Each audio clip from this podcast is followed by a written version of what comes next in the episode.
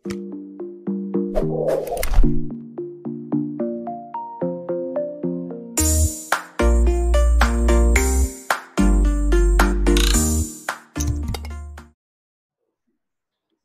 pagi. Salam bahagia kerabat desa Indonesia kembali di acara kita Kepoin Desa. Kepoin Desa pagi ini kita mencoba untuk masuk ke obrolan yang apa agak agak-agak digital mungkin lebih ke lebih ke menyambut digital banyak teman-teman yang sekarang suka atau tidak suka uh, mesti masuk di wilayah digital dan uh, dampak uh, COVID terhadap teman-teman di UMKM itu sangat berasa. Kalau dulu mungkin bicara tentang isu sembilan apa uh, krisis dulu itu terhadap UMKM ini masih tidak terlalu berdampak, tapi yang hari ini sangat berdampak. Tetapi dalam posisi-posisi seperti ini selalu ada orang-orang yang punya kemampuan untuk membuat terobosan-terobosan. Ini yang yang luar biasa. Hari ini, pagi ini, kita akan ngobrol-ngobrol santai dengan Mas Wahyu. Jadi kalau tulisannya Wahju berarti uh, sebelum tahun 70 karena EYD itu apa uh, baru ada di 70. ini, ini termasuk angkatan angkatan-angkatan saya, angkatan-angkatan sepuh. Jadi kalau apa uh, ulamanya itu pakai OE kan gitu. Nah, tetapi uh, luar biasa idenya atau kemudian mendorong sebuah apa uh, komunitas atau sebuah entitas bisnis yang kemudian ber, apa, uh, berbasis pada kekuatan apa digital marketing, kekuatan sosial market apa uh, digital uh, apa digital marketing, kemudian mencoba mengkoneksikan nih dengan UMKM dan setelah beberapa kali uh, ketemu ternyata juga mulai melirik tentang bagaimana uh, UMKM di desa coba di dikoneksikan dengan agenda-agenda bisnisnya. Selamat pagi Mas Wahyu. Selamat pagi Mas Kocok. Oke. Eh, selamat pagi Indonesia, teman-teman dari desa di seluruh Indonesia senang sekali bisa hadir di uh, obrolan pagi ini.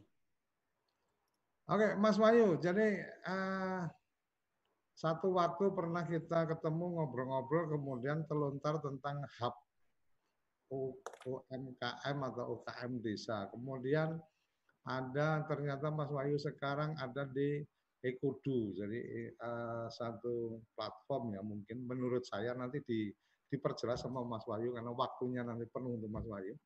Jadi platform yang kemudian uh, bergerak dalam apa dalam bisnis apa uh, mungkin pertama lebih pada uh, handicraft dan seterusnya tapi kayaknya dengan perjalanan yang berapa tahun ini sudah mulai melirik bisnis-bisnis yang lain dengan basic yang memang sudah dimiliki. Mas Wahyu silakan cerita tentang Ekodu dan cerita tentang idenya hub UMKM desa karena ini ke poin desa jadi kalau sampai nggak ada ngomong tentang desa nanti saya cut langsung. Silakan. Selamat pagi teman-teman ya. Uh, perkenalkan saya uh, Wahyu Wahyu Prasetya itu kan. Saya uh, kebetulan sekali dapat amanah sekarang ini sebagai Chief of Financial Officer di Ekodu uh, Ekudu ini adalah sebuah uh, startup ya startup dari yang dimulai dari teman-teman di adik-adik bukan teman-teman. Kalau uh, teman-teman itu seangkatan saya. Ini adik-adik uh, masih umur 20-an tahun. Mereka mulai uh, usaha dari zaman masih mahasiswa uh, jadi nama Ekodu itu adalah Eko ya uh, Eko itu bumi ya uh, kemudian Du itu uh, domba.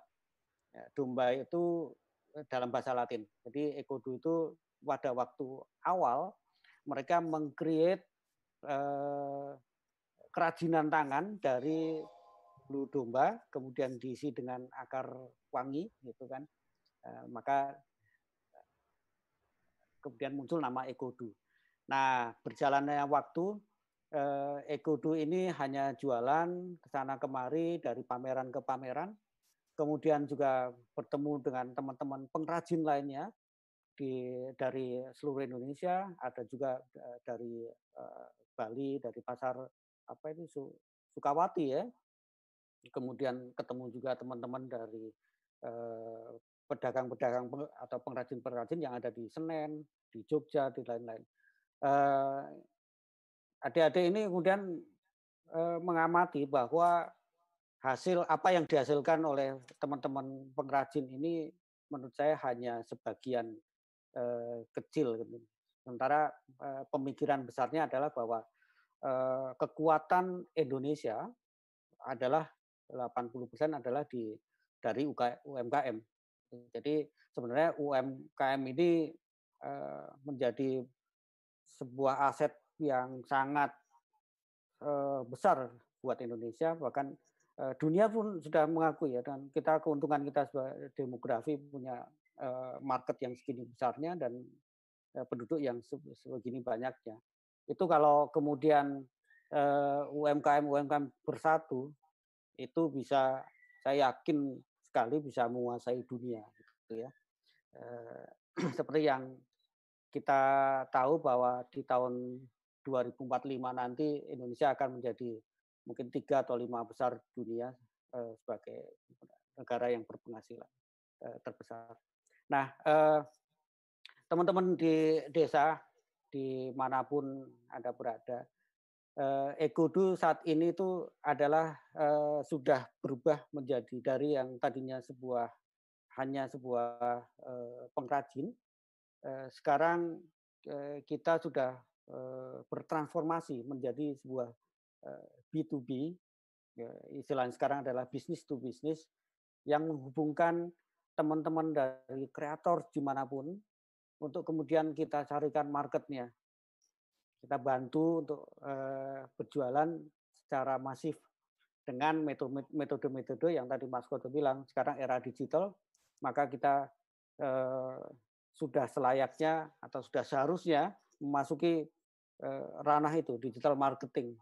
Jadi ya bukan mengecilkan arti bagaimana usaha teman-teman di Eh, desa di mana pun anda berada untuk eh, berjualan tapi setidaknya apa yang kita alamin di yang lebih dekat dengan klien kita itu yang terjadi sekarang. Jadi melalui digital marketing menurut eh, kami adalah satu hal yang apa sangat nyata. Nah perjalanan Ekodo ini juga tidak semulus yang mungkin teman-teman apa bayangkan.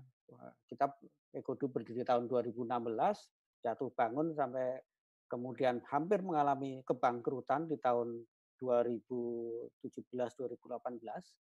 Eh, tapi kemudian anak-anak ini, adik-adik kemudian ikut eh, mencoba eh, di apa ada pelatihan di ini inkubasi di eh, Kemenristek Dikti waktu itu.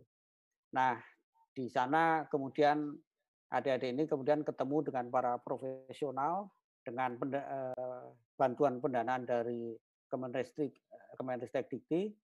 Adik-adik ini kemudian di, dilatih ya, dilatih kemudian di scale up istilahnya kalau eh, zaman sekarang scale up itu ditingkatkan nilai ekonomisnya menjadi sebuah uh, eh, B2B dengan uh, tadi dengan digital marketing, ilmu digital marketing.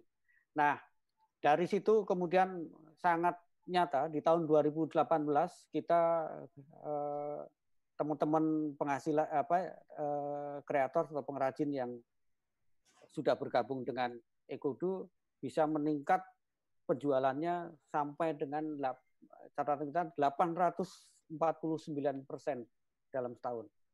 Itu satu hal yang luar biasa. Penjualan tahun, dari, sorry, ya. sorry, penjualan dari Ekodu atau Ya ini karena setelah bergabung dengan Ekodu, maka eh, teman-teman kreator ini kan naik semua penjualannya. Dua tiga tahun yang lalu tidak ada yang percaya dengan konsep yang kita uh, buat, tidak ada yang percaya bahwa ah masa sih uh, bisa segitunya. Tapi ini data ini kan data keuangan dan data yang uh, sudah uh, valid gitu. Ya. Memang terjadi, yang terjadi seperti itu. Tahun kemarin kita uh, growth-nya masih lumayan bagus di 300 hampir 350 persen dan bahkan pada sampai dengan bulan April kemarin kita di saat kita dihantam oleh pandemi COVID ini kita masih bisa growth sampai 149 persen. Artinya apa teman-teman? Eh, bahwa eh, mungkin ada teman-teman yang sudah merasa bisa eh, nyaman, ya, bisa nyaman dengan dengan konsep penjualan atau konsep yang bisnis yang sedang dijalankan. Namun kalau kita melihat dari sisi lain, mungkin akan bisa lebih kita tingkatkan.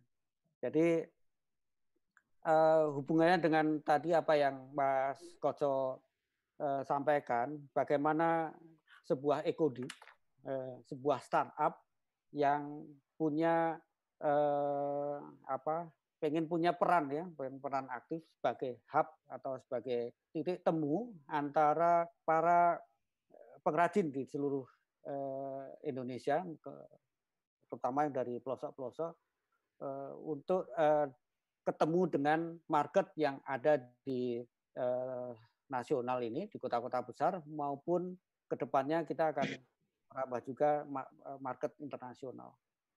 Jadi uh, mungkin nanti akan banyak sekali pertanyaan bagaimana uh, kita bisa ke arah sana. Tapi uh, sebagai awal mungkin bisa teman-teman dari desa nanti bisa mengakses web kami di ekodu.com www.ekodu.com itu nanti ada apa formulir untuk ini untuk apa untuk pendaftaran sebagai kreator kita. Nah, kalau sudah menjadi kreator kita nanti akan kita nilai, kemudian akan kita bantu dengan uh, untuk oh, ke depannya? Uh, kalau aku sebagai apa UKM atau kemudian uh, punya bisnis apa uh, usaha di desa dan seterusnya yang kemudian sekarang menjadi target utama atau kemudian menjadi focusing dari teman-teman ekodo itu kira-kira jenis bisnis apa yang yang mungkin akan akan lebih cepat uh, di-approve sebagai mitra atau akan lebih cepat uh, kemudian bisa mendapatkan apa peluang-peluang untuk memperluas pasar. Kalau uh, kita sesuai dengan apa yang dicanangkan apa pemerintah sebenarnya ya, uh, gunakanlah produk produk eh, UMKM Indonesia lokal gitu ya. Nah, uh, ini yang menjadi eh, tantangan berat buat uh, kita semua. Sebenarnya apa yang harus kita gunakan ini sekarang kalau bisa adalah produk dari teman-teman uh, di uh, apa dari UMKM juga gitu kan. Jangan hmm. sampai apa mau uh, beli tas atau yang paling miris ya uh, beberapa tahun yang lalu ketika ada serangan baju batik dari Cina uh, seragam desa pun eh sorry seragam sekolah pun uh, labelnya made in China itu kan sangat miris. Nah sebenarnya potensi dari apa yang uh, kita punya itu jauh lebih besar dari uh, Cina karena mereka kan butuh pengiriman, butuh biaya macam-macam. Nah eh, yang belum ketemu adalah bagaimana mempersatukan para UMKM ini.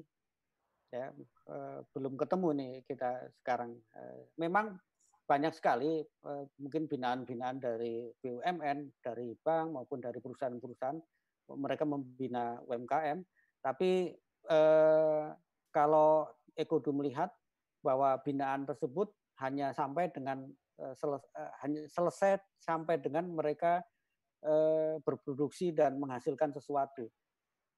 Tidak eh, apa istilahnya eh, membimbing mereka untuk ke sustainable Sorry, market gitu ya. Aku potong ya. Itu ya, salah kalau... satu itu salah satu problem atau salah satu temuan yang apa di forum yang lain saya sempat dapatkan bahwa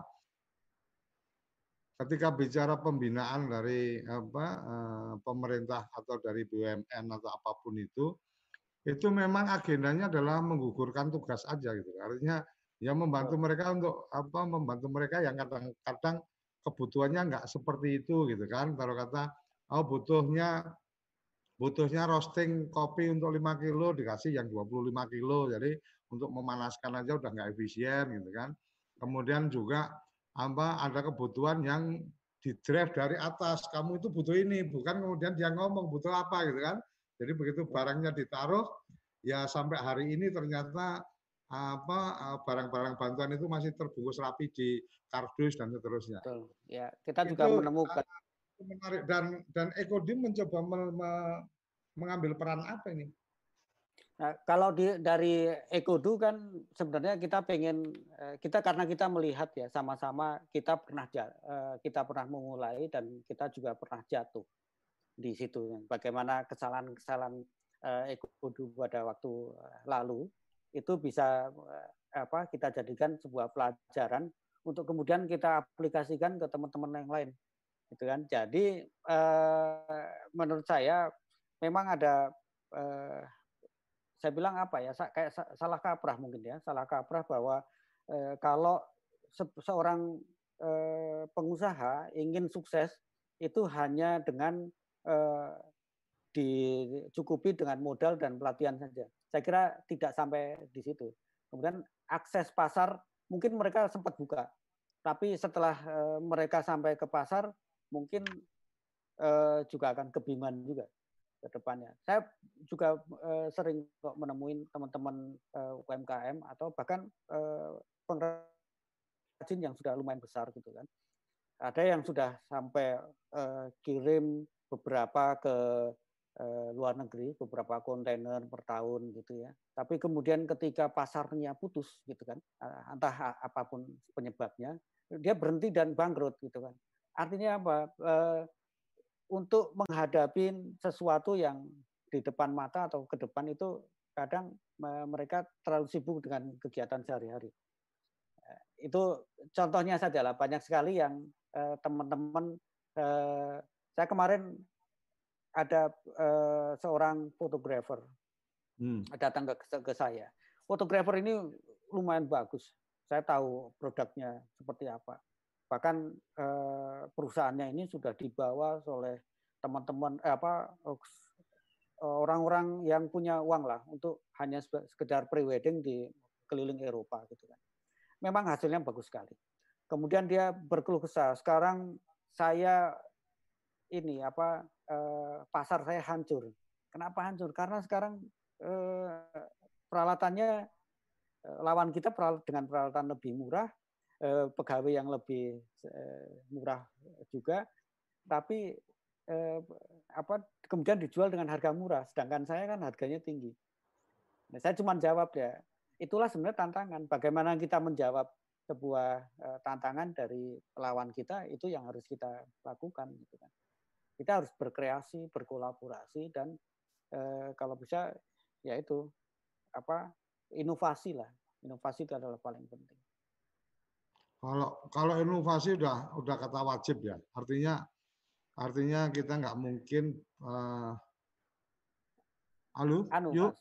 Ya, anu Mas, uh, inovasi ya. dalam hal menghadapi market yang yang ada di depan mata itu. Jadi bukan inovasi dalam hal teknologi, bukan inovasi dalam uh, produk, bukan. Tapi hmm. bagaimana kita meng, meng apa ya, istilahnya uh, menghadapi saingan dengan elegan. Oke, oke, oke. Persaingan dengan elegan. Mas Mas Haji masih ada di room ini masih on di frame atau lagi ada kegiatan lain? Jadi ma, mungkin ada uh, uh, tahapan mungkin mungkin yuk uh, karena mungkin jadi uh, coba bisa diberikan gambaran ketika teman-teman yang di desa ini kemudian punya satu apa uh, keterampilan atau punya bisnis atau UMKM yang kemudian Ekodu ini lebih butuh uh, jaringan kreator, jadi uh, kreator UMKM lah ya.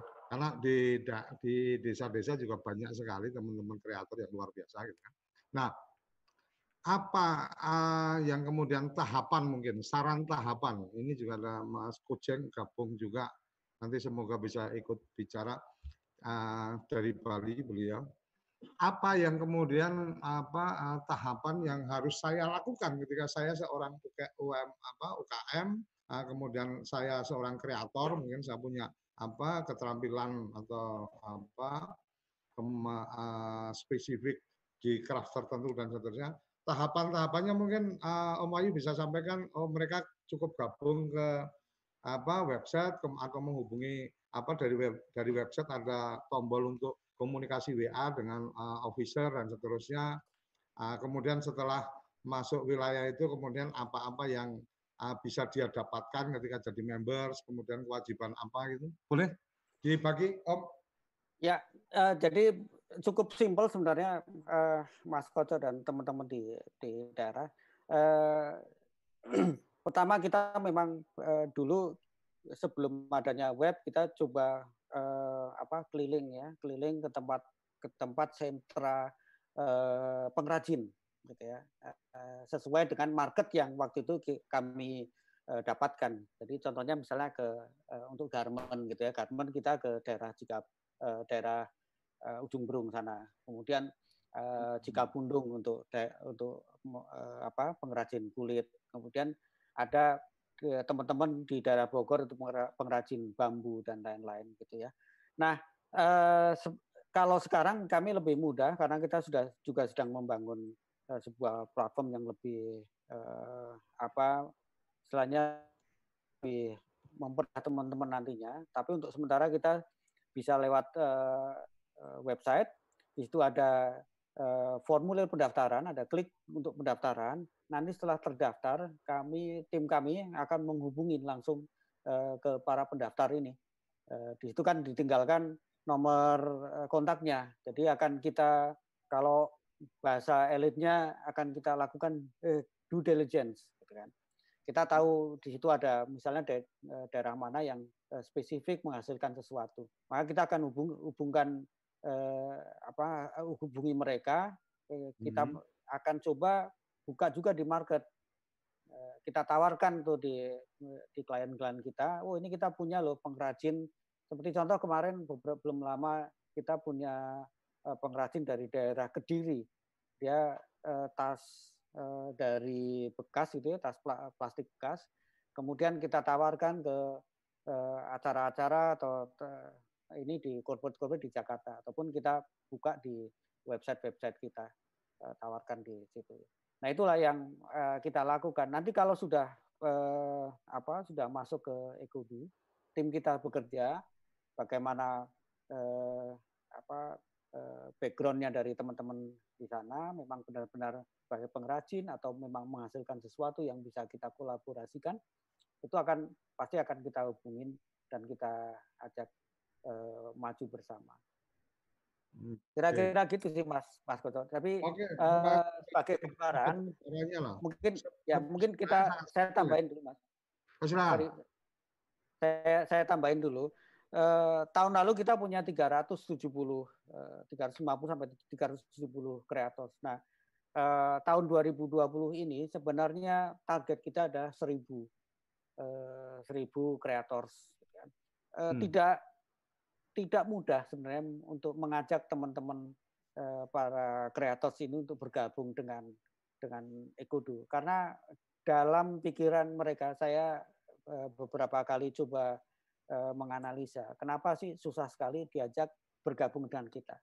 Itu rata-rata mereka masih bingung masih ragu-ragu apakah dengan setelah bergabung dengan Ekodo mereka harus membayar sesuatu, harus mengeluarkan biaya tambahan, ataupun eh, mereka punya kewajiban-kewajiban yang lain, gitu kan? Tidak, tidak. Jadi apa yang eh, apa yang akan didapatkan malah justru menurut saya lebih banyak keuntungannya, karena kita tidak punya apa eh, apa ya kita tidak akan mengambil sesuatu apa pun dari teman-teman eh, di UMKM yang akan kita lakukan adalah kita hanya mengupgrade harga mereka.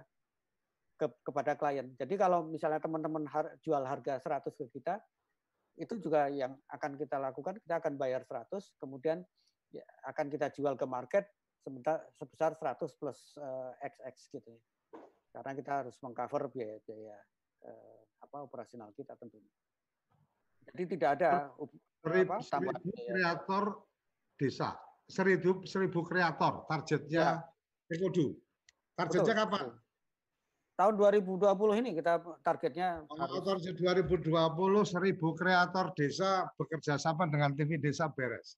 Nah, mudah-mudahan gitu mas. Kita kita akan kita kita akan bantu, kita akan apa kita bukan akan bantu. Kita kita bisa bersinergi untuk kemudian membuat satu satu agenda seribu kreator desa mendunia bersama Ekodu kan gitu. Nah, ya. Eh, TV Desa menjadi satu media yang kemudian uh, memberikan apa uh, pemahaman tentang kreatornya itu seperti apa, harus bagaimana, dan kemudian memberikan informasi-informasi kreator-kreator yang sudah masuk uh, dalam jaringan Ekodu itu bisa uh, dalam format tayangan yang seperti di videonya Ekodu kan ada tuh kreator satu, kreator dua dan seterusnya. Sangat mungkin sekali, Om Wahyu tenang aja 2020 masih cukup lama ini masih satu semester uh, sangat mungkin kita kerjakan. Uh, di di Zoom meeting kita ada beberapa nama yang sudah bergabung. Ini Mas Koceng dari uh, Bali, Mas Aji yang tadi sudah sempat ngobrol sebelum acara kita mulai. Ada Mbak Reni Suparwati, ada ada Mbak Yanida, ada uh, Lim Hung ini uh, bergabung kalau teman-teman karena saya, saya yakin ini teman-teman apa uh, yang bergabung ini pastilah teman-teman pilihan gitu kan. Silakan kalau ada yang ingin menyampaikan sesuatu, monggo. Tapi kalau kalau enggak, kalau enggak mungkin bisa di mute audionya.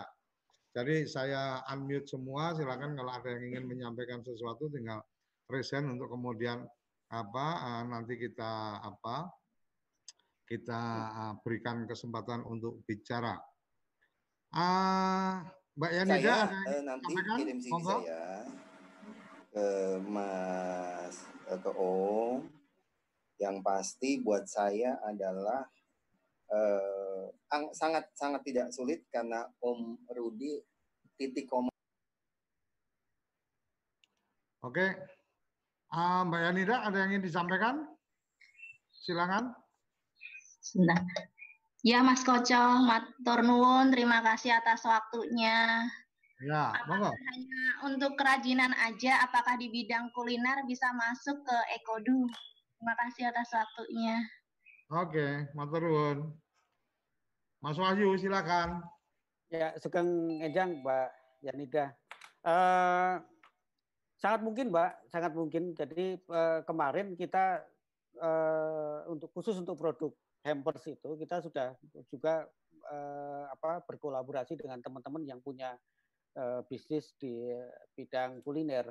Jadi uh, kalau untuk kuliner karena kita memang kan uh, apa uh, tidak penjualan langsung gitu ya. Jadi uh, penjualan ke B2B, maka kuliner yang kita harapkan yang bisa bertahan uh, lama gitu ya. Uh, ataupun ya, kalau kemarin ada contohnya misalnya seperti rendang dan yang lain-lain gitu ya, bisa untuk uh, seminggu atau dua minggu uh, dengan tentunya dikemas uh, secara proper dan kita kolaborasikan dengan produk-produk lain dari teman-teman yang uh, punya kopi waktu itu ya. Jadi ada kopi, ada teman-teman apa makanan lain khusus untuk lebaran gitu misalnya. Nah ini bisa kita uh, kolaborasikan seperti itu. Juga nanti kan kita juga punya uh, klien-klien yang akan mengadakan seminar gitu kan. Nah di seminar itu mungkin nanti mereka uh, kita akan tawarkan juga selain dari produk-produk yang dibutuhkan uh, untuk seminar seperti blog note maupun uh, apa tas, mungkin ke depannya juga kita akan mencoba menghubungkan dengan teman-teman uh, yang punya produk uh, makanan makanan ringan atau bahkan makanan berat yang eh, bisa disiapkan untuk untuk seminar tersebut gitu. Saya rasa sangat mungkin, Mbak, Mbak Yanida.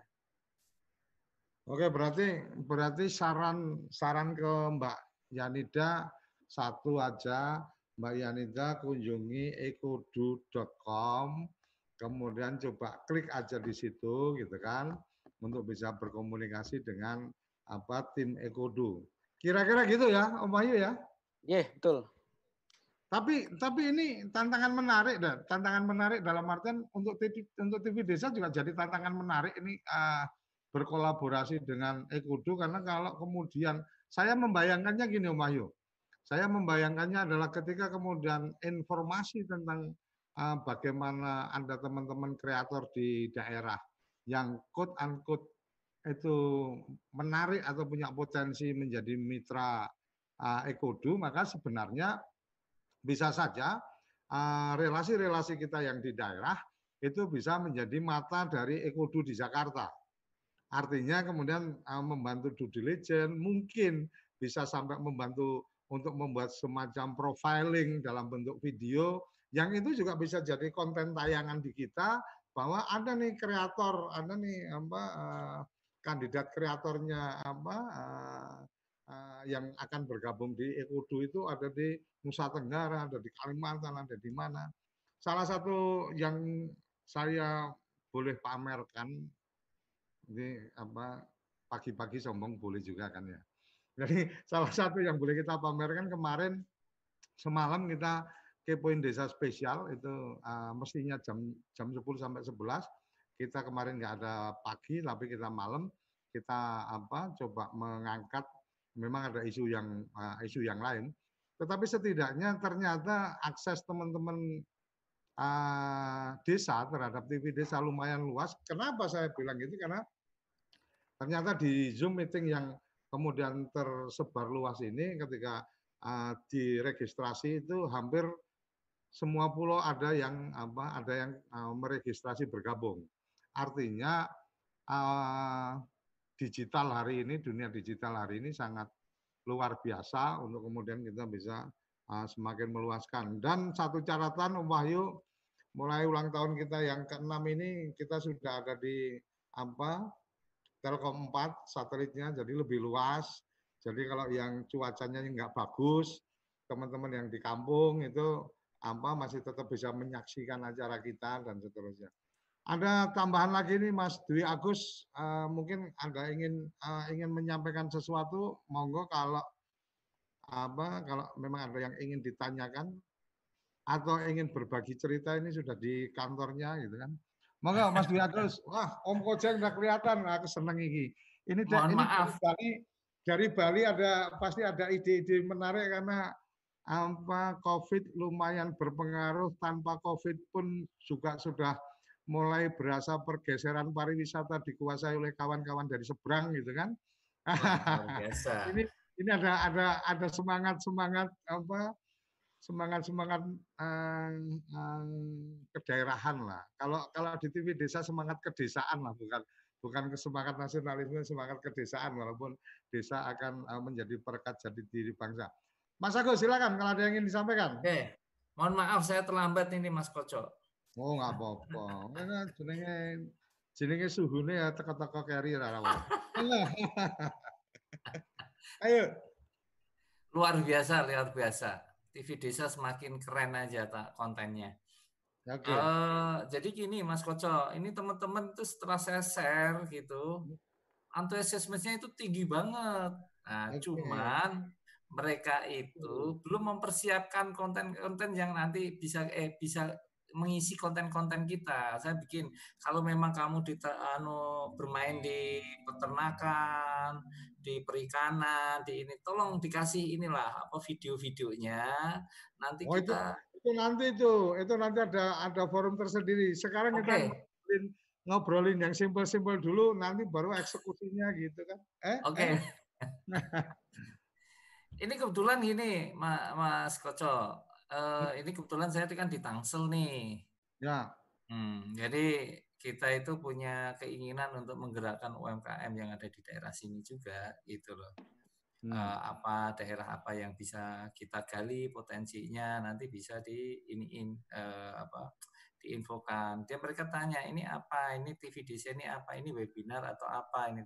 Tadi banyak waktu saya share tuh banyak ingin gabung Mas Koco.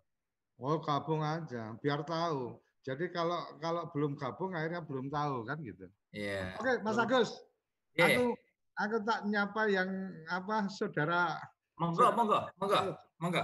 Uh, Mas Om Keceng, Om Keceng, apa kabar? Audionya dan? Ah. Oke, selamat siang. Terus mau.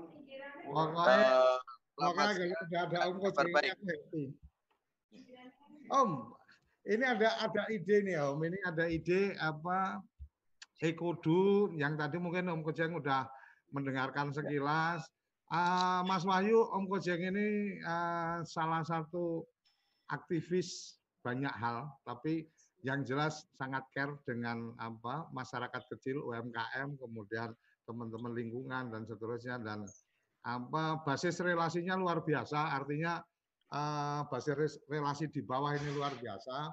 Jadi ide yang tadi disampaikan Om Wahyu tentang apa Eko2 akan mencoba membawa menjadi hub UMKM kemudian bagaimana apa mengkoneksikan uh, me, tidak sekedar mengkoneksikan, tetapi juga mencoba melakukan pendampingan-pendampingan kepada UMKM. Bahkan uh, awal tadi sempat juga sebelum kita mulai ada uh, semangat untuk kemudian memberikan nilai-nilai uh, atau moral baru ke teman-teman UMKM tentang bagaimana ketika mereka mendapatkan order, ketika kemudian ada repeat order dan seterusnya, uh, membangun apa korelasi-korelasi apa hubungan-hubungan uh, moral itu uh, menurut saya sesuatu yang luar biasa gitu kan.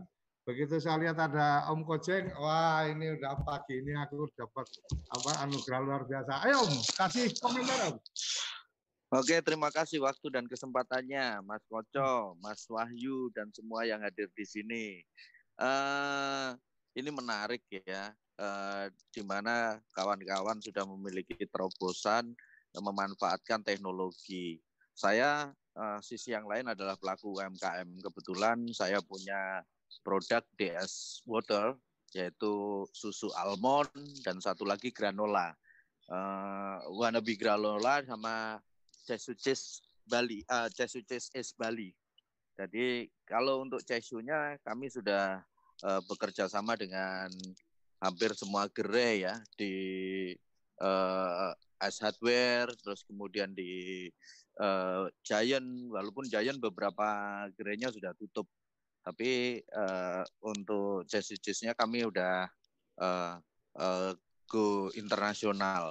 Nah, yang ini ini adalah terobosan yang menurut saya dahsyat ya di tengah pandemik dan juga uh, wabah global ini tiba tiba-tiba kita dibantu dengan Ekodu ya.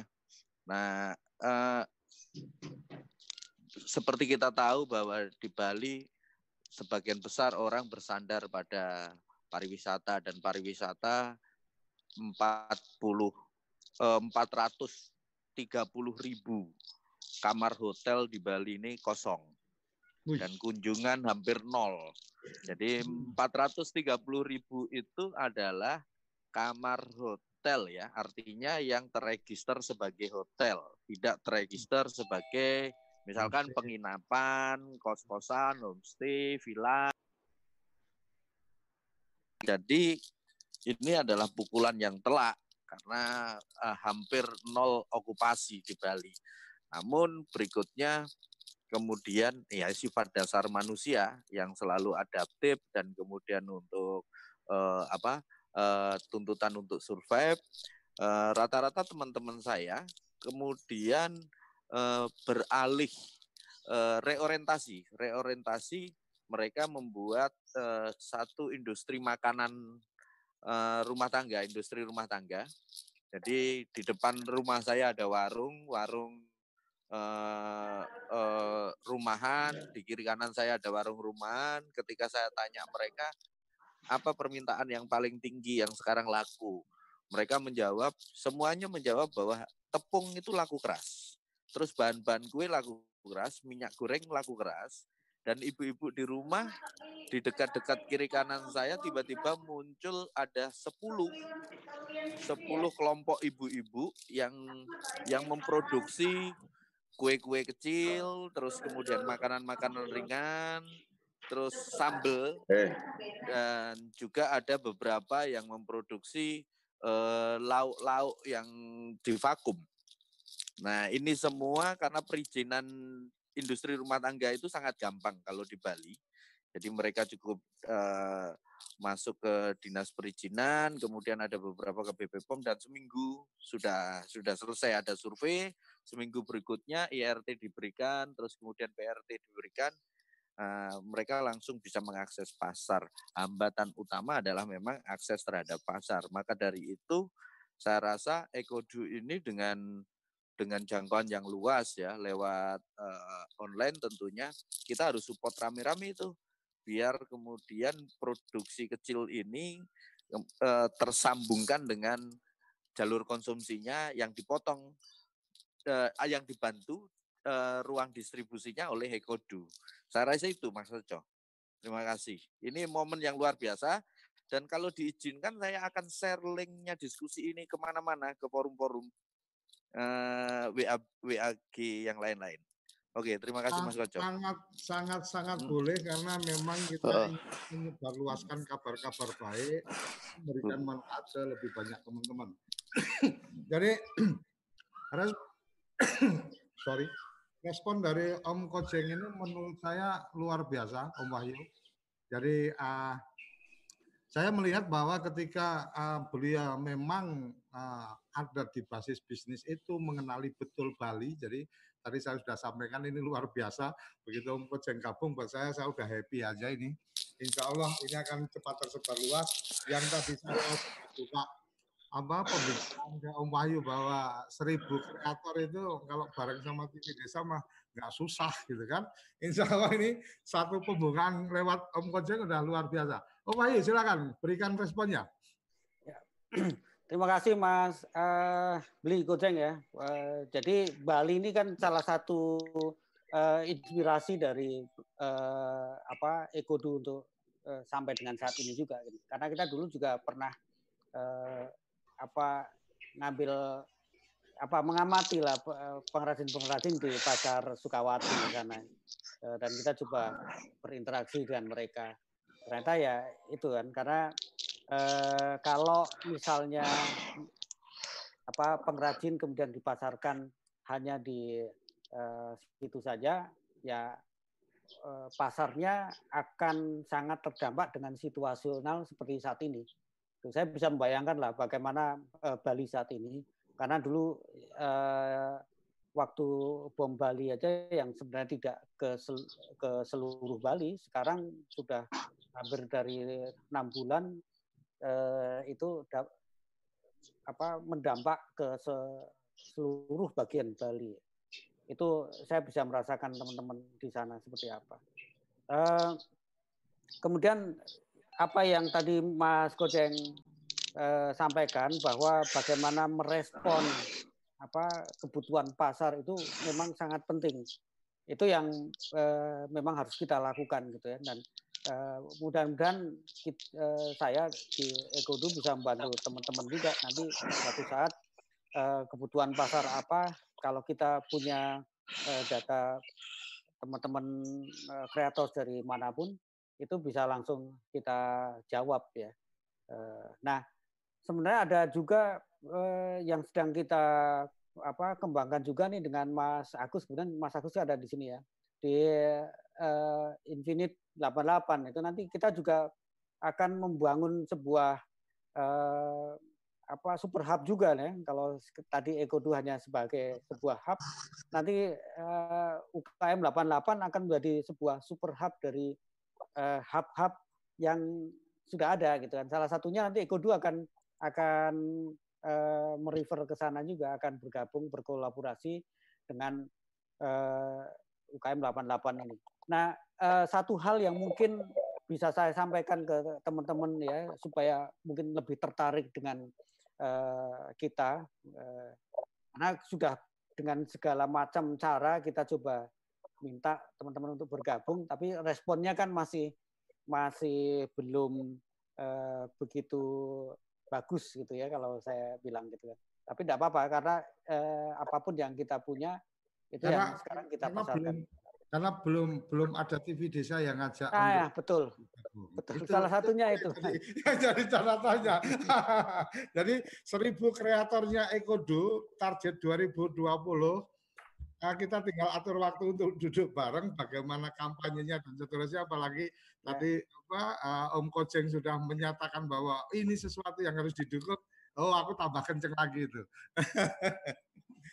lanjut lanjut Wahyu ya uh, satu hal yang mungkin di, bisa dirasakan teman-teman eh, apa untuk memulai usaha eh, ini khususnya karena setelah pandemi ini ya setelah pandemi ya. ini teman-teman kan banyak yang ya kurang beruntung di layoff dari perusahaan-perusahaan kemudian mau berusaha dengan apa eh, memulai usaha baru gitu ya. Itu hal yang paling eh, mendasar biasanya masalah permodalan. Permodalan okay. awal mungkin sudah ada gitu ya tapi kemudian untuk working capital kemudian untuk uh, kalau kita tiba-tiba dapat orderan uh, banyak itu working capitalnya dari mana? Nah ini nanti uh, Ekodu juga insya Allah bisa membantu. Karena apa? Ya kita juga kemarin pada waktu pandemi ini dipaksa ya dipaksa untuk benar-benar Eh, mensolusikan segala permasalahan yang ada di uh, apa bisnis kita. Yaitu masalah permodalan. Sementara di tempat kita butuh modal, di tempat lain ada lembaga-lembaga yang mereka juga kesulitan untuk menyalurkan uh, fundingnya. Kenapa mereka hmm. susah? Karena mereka juga tidak mengenal para pelaku UMKM ini. Jadi ketika kalau ada UMKM datang ke yang punya modal, tentunya mereka dengan gampangnya uh, menolak gitu kan si pemodal-pemodal ini.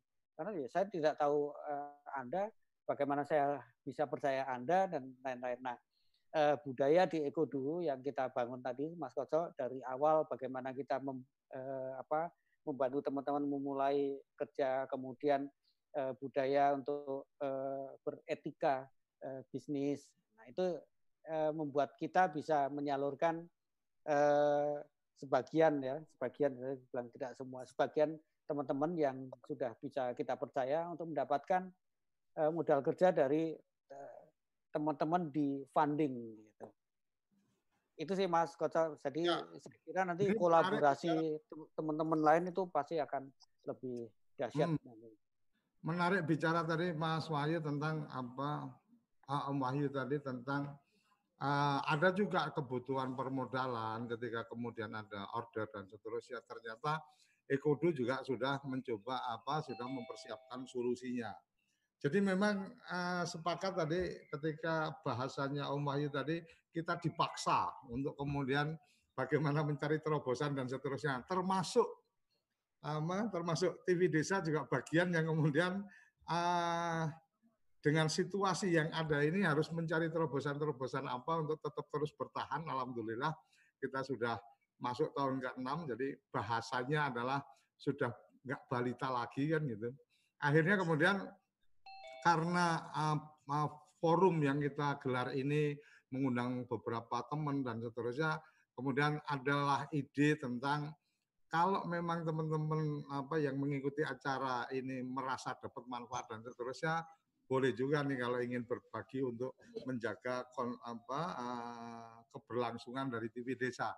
Salah satu yang kita coba adalah kalau teman-teman melihat di channel YouTube dan juga di siaran satelit kita, uh, di tampilan kita ada apa QR, uh, Chris. Kurang 10. QR itu uh, QR yang ada itu adalah Chris yang kemudian uh, dengan menggunakan payment apa pun uh, bisa berdonasi untuk mendukung apa program-program ini tetap terus berjalan dengan bisa apa mendatangkan tokoh-tokoh inspiratif dan seterusnya sehingga ada bagian-bagian yang salah satu yang coba akan kita kembangkan ini apa uh, curcol lah curhat curhat colongan di di tengah obrolan ini. Salah satu yang akan kita kembangkan nanti di tiap mal apa di malam mungkin uh, semoga Juli sudah bisa kita running uh, bahwa di tiap malam kita akan uh, memberikan ruang kepada teman-teman seniman dari mana pun bisa tampil di TV desa, tampil di satelit TV desa tanpa harus mereka membayar sewa apa eh, sewa satelitnya. Cukup mereka bermain dari rumah masing-masing menggunakan Zoom. Nah, ini bisa tampil nanti di jam tertentu yang nanti akan kita tentukan dan setiap yang menyaksikan itu siapa pun itu bisa mengapresiasi penampilannya dengan apa eh, menggunakan QR yang sudah ada. Nah, dari QR itu kemudian eh, teman-teman apa seniman-seniman bisa mendapatkan apresiasi artinya ngamen di udara, ngamen di TV lewat TV desa ada jam tertentu nanti QR itu apa dengan payment apa pun bisa dilakukan. Itu uh, info sekilas apa colongan apa di luar tema. Saya minta maaf. Tapi yang jelas Ekodu menurut saya sesuatu yang menarik dan saya berharap teman-teman yang ada di apa uh, Zoom ini yang ingin menyampaikan sesuatu boleh dibuka apa di mikir. Nah, tapi kalau kira-kira pas open agak mengganggu audio, mungkin saya saya akan mute. Silakan kalau ingin bertanya ke Ekodu, ada yang sudah open mic?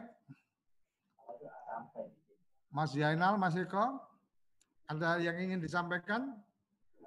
Atau tidak ada? waktu kita juga terbatas. Memang hari apa eh, jadwal kita agenda memang uh, reguler jam 10 sampai jam 11 uh, eh, kepoin desa. Kita akan kepo-kepo tentang desa. Jadi komentar di YouTube kita Mas Upomo mantap merangsang dan membangun perilaku usaha pada sektor real.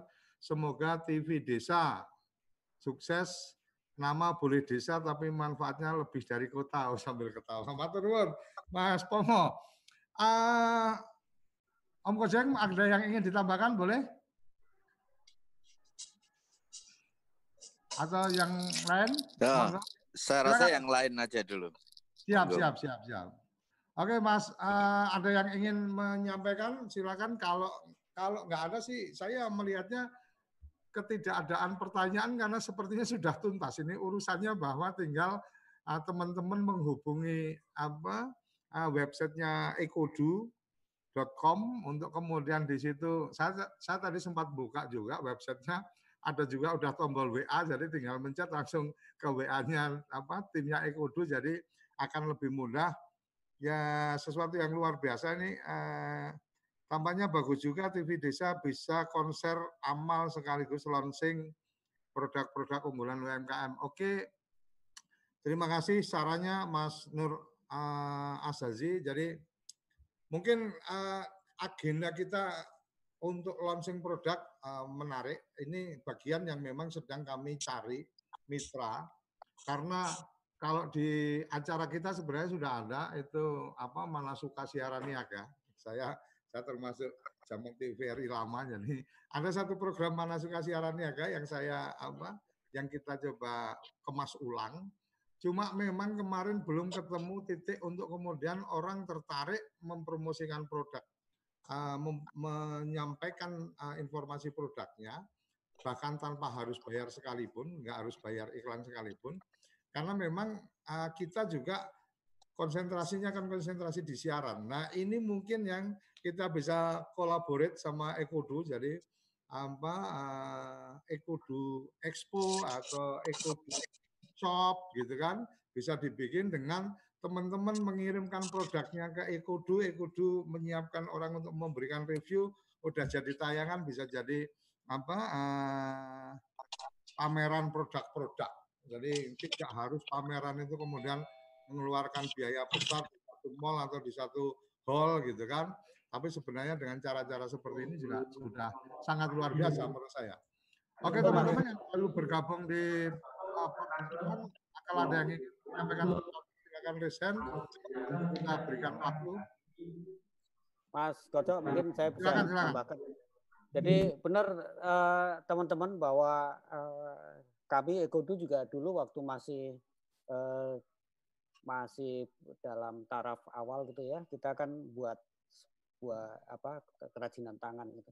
Kita juga ikut eh, pameran dari eh, apa expo ke expo. Tapi saya kira eh, cara tersebut tidak membuat sebuah eh, pengrajin atau kreator bahkan UMKM sekalipun menjadi besar. Justru biaya-biaya itu yang eh, kadang akan membebani menurut saya ya. Jadi kecuali uh, sekarang dibayari pemerintah ya, Mas. Ah, biaya, biaya pemerintah itu pun kadang ikut pameran ya. dapat sangu kan repot. Ya, kan? betul. betul ya, jadi ya itu menurut saya sekarang zamannya digital. Nanti kita eh, berkolaborasi nih Mas Kocok antara desa, Ekodu dan Infinite 88 melalui UMKM 88-nya akan membuat eh, sebuah expo yang besar-besaran tuh nanti di bulan Oktober. Jadi oh, iya, iya. Uh, road to ke sananya mungkin kita bisa apa uh, melalui TV desa kita bisa ngasih contoh ya. Nanti awal-awalnya kita coba ya, silakan terbuka ya, kita. kita akan buat. Nanti eh, dari Eko dulu lah Eko akan membuat kan sudah siap tuh beberapa video yang ya. kita uh, buat. Dan uh, ke depannya mungkin kita punya apa segmentasi acara khusus Mas Koco ya untuk ya. untuk UMKM UMKM ini dan berbagi kesuksesan lah ya. Berbagi ya. cara sukses itu adalah sesuatu yang membuat energi kita lebih uh, lebih besar. Ya, jadi salah satu yang kemarin saya dapat dari uh, satu forum yang kebetulan disiarkan di TV Desa adalah bahwa yang menjadi penting hari ini adalah storytelling. Jadi menceritakan tentang produk itu itu menjadi penting. Kemudian uh, sukses story. Jadi menceritakan apa uh, kesuksesan-kesuksesan itu menjadi penting untuk menjadi inspirasi uh, kepada teman-teman uh, uh, yang lain. Silakan uh, kita masih ada waktu untuk live kita sampai uh, sepu, uh, pukul 11 berarti kurang tiga menit, tapi kalau memang uh, ada yang ingin kita diskusikan nanti di Zoom masih tetap bisa berjalan, hanya tidak lagi live di tele, apa, TV Desa dan juga di semua channel-channel TV Desa. Dan channel TV Desa ada di satelit kita Telkom Merah Putih, kemudian ada di aplikasi uh, kemudian ada juga di uh, website kita live bisa diikuti, kemudian di channel YouTube. Kira-kira itu yang bisa saya sampaikan kurang masih dua menit kalau masih uh, mungkin saya berikan ke Pak Om Wahyu untuk closing statement. Selesai itu acara ini saya tutup, tapi kita masih bisa ngobrol untuk saling berbagi cerita. Silakan Om Wahyu, closing statement. ya, terima kasih Mas eh, Koto. Jadi uh, ide untuk uh, apa uh, menjadikan Ekudu sebagai hub UMKM di seluruh desa di Indonesia ini adalah sebuah uh, yang menurut saya uh, ya, uh, kita di Ekudu sangat welcome, sangat ingin membantu teman-teman uh, di mana pun anda berada untuk menjangkau pasar yang lebih visible menurut uh, kami uh, dengan teknologi yang sudah ada sekarang ini melalui digital marketing. Uh, Eko2 adalah sekali lagi Eko2 adalah uh, eh, B2B e-commerce. Jadi kami hanya akan uh, apa men-skill up uh, produk Anda uh, untuk menjangkau pasar yang ada. Sekian Mas Koto. Oke, terima kasih Om Wahyu untuk closing statementnya. Jadi yang menarik supaya kita tidak gagal paham adalah statement terakhir tadi, Ekodo is B2B apa uh, e-commerce. Jadi jangan dibayangkan bahwa Ekodo ini akan me, apa, me, membuat apa uh, B2C artinya berhubungan langsung antara teman-teman dengan customer tapi memang ini akan dikerjakan B2B. Luar biasa. pagi ini. Yang sudah bergabung di Zoom, jangan tinggalkan ruangan Zoom. Kita masih boleh ngobrol setelah ini. Tetapi teman-teman yang bergabung di semua channel siaran kita, mohon maaf Anda uh, cukup bisa mengikuti sampai di sini. Jadi kalau ada undangan Zoom masih kira kira-kira tertarik dengan temanya bisa bergabung di Zoom supaya kalau acara live-nya selesai masih bisa ngobrol-ngobrol di Zoom. Saya pikir itu yang uh, kita bisa ambil hari ini bahwa ternyata Anda banyak pihak yang masih mungkin untuk kita berkolaborasi dalam berbagai situasi. Semoga tayangan ini bermanfaat. Salam bahagia kerabat desa Indonesia. Terima kasih.